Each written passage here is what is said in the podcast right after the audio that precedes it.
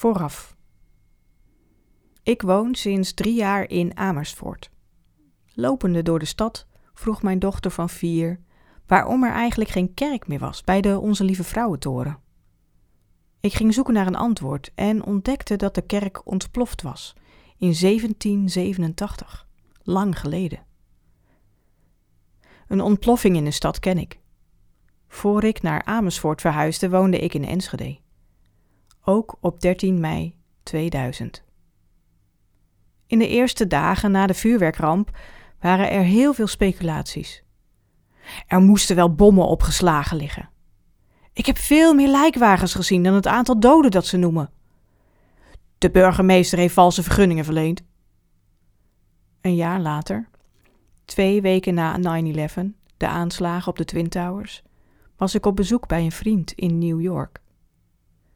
Terwijl vrachtwagens af en aan reden met puin, hoorde ik in een restaurant dezelfde speculaties als een jaar eerder in mijn thuisstad. Er moeten veel meer doden zijn dan ze zeggen. Die torens kunnen niet zomaar door een vliegtuig ingestort zijn. Toen viel bij mij het kwartje. Speculeren is een menselijke reactie op een heftige gebeurtenis die je niet echt kunt begrijpen.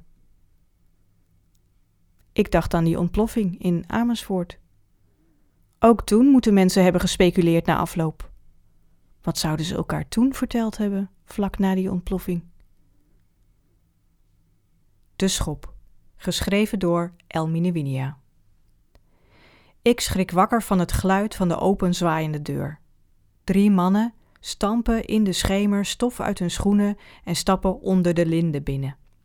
Ik til mijn kop een beetje op en snuif de lucht op die ze mee naar binnen nemen. Kou en rook. Op een normale dag jaagt Jan mij weg zodra er gasten zijn, maar dit is geen normale dag. De straten zijn uitgestorven. Tot deze mannen binnenkwamen waren Jan en ik alleen. Ik leg mijn kop weer neer. Voorlopig lig ik goed. De mannen gaan aan de toog zitten. Deze mannen bestellen elke dag hetzelfde. Toch vraagt Jan wat ze willen drinken. Lelie. Klaverbladje. Doe mij ook maar een lelietje. Jan schenkt het bier in en zet de pullen op de bar. Ze proosten vandaag niet. De mannen nemen elk een teug. Hoe was het vandaag, Arend? Arend zit tussen Johan en Gerard in. Zijn ellebogen leunen op de bar. Verschrikkelijk. Meer zegt Arend niet. Ook de andere twee mannen staren stil voor zich uit. Jan loopt naar de keuken. Hij stookt het vuur op en pakt een pan. Ik spits mijn oren. Wat gaat er in die pan? Een flart van gebakken spek zweeft voorbij. Ik knijp mijn ogen dicht en snuif de lucht zo goed mogelijk op. Dat is nog eens wat anders dan de kippenbotten die ik na sluitingstijd toegeworpen krijg. Hier jongens. Jan zet drie borden met spek en ei voor de mannen neer. Ik zie hoe ze die spekrepen in rap tempo naar binnen werken. Blijkbaar krijg je honger van stenen sjouwen. Het was verschrikkelijk, Jan, herhaalt Arend. Wat hebben jullie gevonden? Vingers. Afgereten vingers, zegt Gerard. Een voet in een schoen, zonder been, zegt Arend. Even is het weer stil. Het hoofd van Meijer, voegt Johan toe. Alle vier de mannen zwijgen. Arend neemt nog een slok. Johan draait zijn glas heen en weer. Gerard zucht.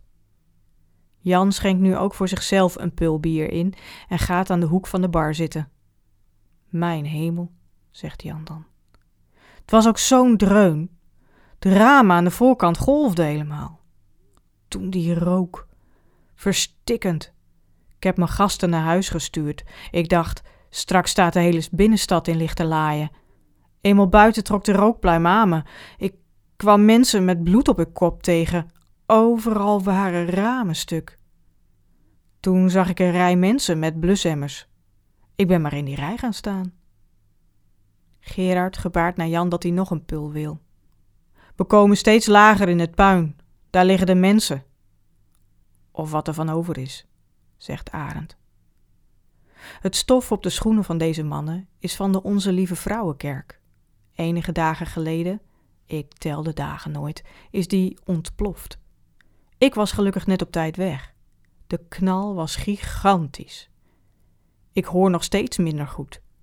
Gisteren ging ik voor het eerst even terug. Er staan nog maar een paar stukken muur van de kerk overeind. De toren lijkt onbeschadigd. Ze zeggen dat ze tot nu toe tien man missen. Nou, dat kan niet kloppen, zegt Johan. Het moeten er veel meer zijn. Alleen vandaag al hebben we zoveel stukken lichaam gevonden. Dan begint hij ineens hevig te snikken. Niets voor Johan.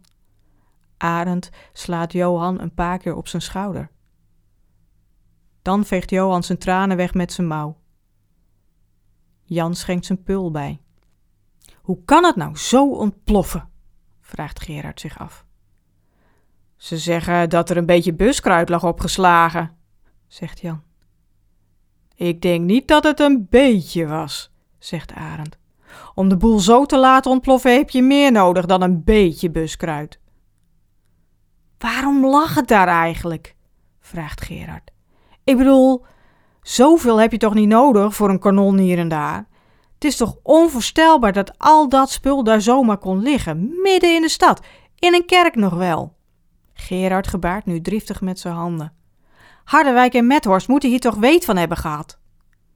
Gerard, je weet toch hoe bestuurders zijn. Veel lullen en elkaar altijd de hand boven het hoofd houden, zegt Arend. Ja, waar is Leendert als je hem nodig hebt, hè? grapt Jan. Johan stoot een lachje uit. Nou, ik denk dat zelfs Nicasius het dit keer op een lopen had gezet. Gerard en Arend lachen nu ook kort. Maar toch, buskruid ontploft niet zomaar, gaat Gerard verder. Als je daar aan het werk bent, dan let je toch op. Een vuurtje blus je dan toch meteen? Ja, misschien wisten ze niet wat er lag, zegt Arend. De mensen die we het hadden kunnen vragen, hebben we vandaag van de stenen afstaan schrapen, zegt Gerard. Ja, zoals Meijer, zegt Johan, en hij zucht diep. Zou iemand van buitenaf de fik erin hebben gezet? vraagt Gerard.